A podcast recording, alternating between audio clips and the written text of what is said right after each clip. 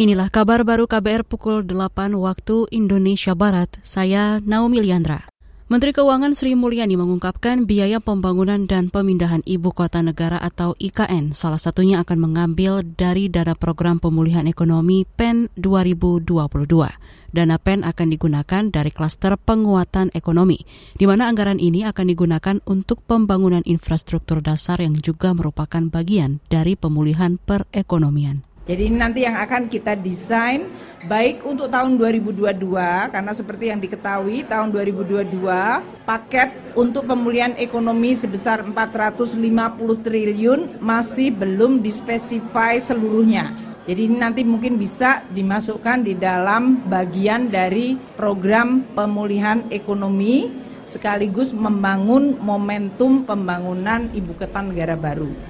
Selain dari dana PEN, Sri Mulyani menambahkan sumber uang APBN yang akan digunakan untuk pembangunan IKN lainnya berasal dari anggaran Kementerian PUPR. Untuk Kementerian PUPR, anggaran akan digunakan untuk membangun jalan hingga jembatan untuk akses utama menuju IKN, serta listrik dan telekomunikasi. Sri memastikan komitmen pemerintah untuk tidak mengenyampingkan aspek penanganan COVID-19 dengan terus menyalurkan bantuan sosial kepada masyarakat terdampak pandemi dan akselerasi pemulihan. Pemerintah tengah mempercepat perbaikan gizi untuk menanggulangi masalah stunting dan obesitas pada anak dan remaja. Pasalnya, asupan gizi tidak seimbang membuat kedua permasalahan kesehatan ini meningkat di beberapa negara. Hal itu dikatakan Direktur Kesehatan dan Gizi Masyarakat Kementerian Kesehatan Dian Pedipo dalam kegiatan persiapan Hari Gizi Nasional yang akan diperingati pada 25 Januari mendatang. Eh, menurut Global Nutrition Report tahun 2021 diketahui bahwa masalah gizi, baik itu masalah gizi kurang maupun gizi lebih masih menjadi perhatian dunia. Bahkan gizi lebih dan obesitas meningkat secara cepat hampir di seluruh uh, negara di dunia. Begitu juga di Indonesia saat ini masih uh, dihadapkan dengan berbagai permasalahan gizi, terutama gizi kurang, termasuk di dalamnya stunting dan gizi lebih, termasuk di dalamnya obesitas, serta masalah gizi akibat kekurangan zat gizi mikro. Dian mengatakan Indonesia menjadi negara dengan permasalahan kesehatan ganda terkait gizi tidak seimbang. Berdasarkan hasil SSGI tahun 2021, angka stunting di Indonesia mengalami penurunan menjadi 24 persen, namun masih jauh dari target RPJMN sebesar 14 persen. Sedangkan untuk masalah obesitas, usia remaja hingga dewasa mencapai lebih dari 21 persen.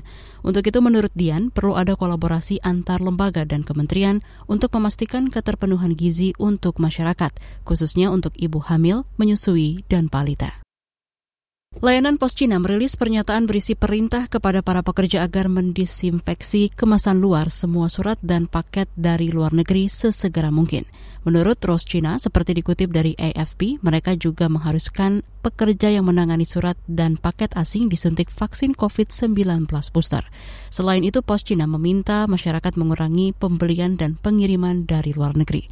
Arahan ini keluar usai klaim pemerintah soal kemasan surat dan paket yang bisa membawa dan menularkan virus corona. Organisasi Kesehatan Dunia WHO dan Pusat Pengendalian Penyakit atau CDC merespon dengan mengatakan risiko penularan dari kontaminasi silang atau transmisi barang rendah.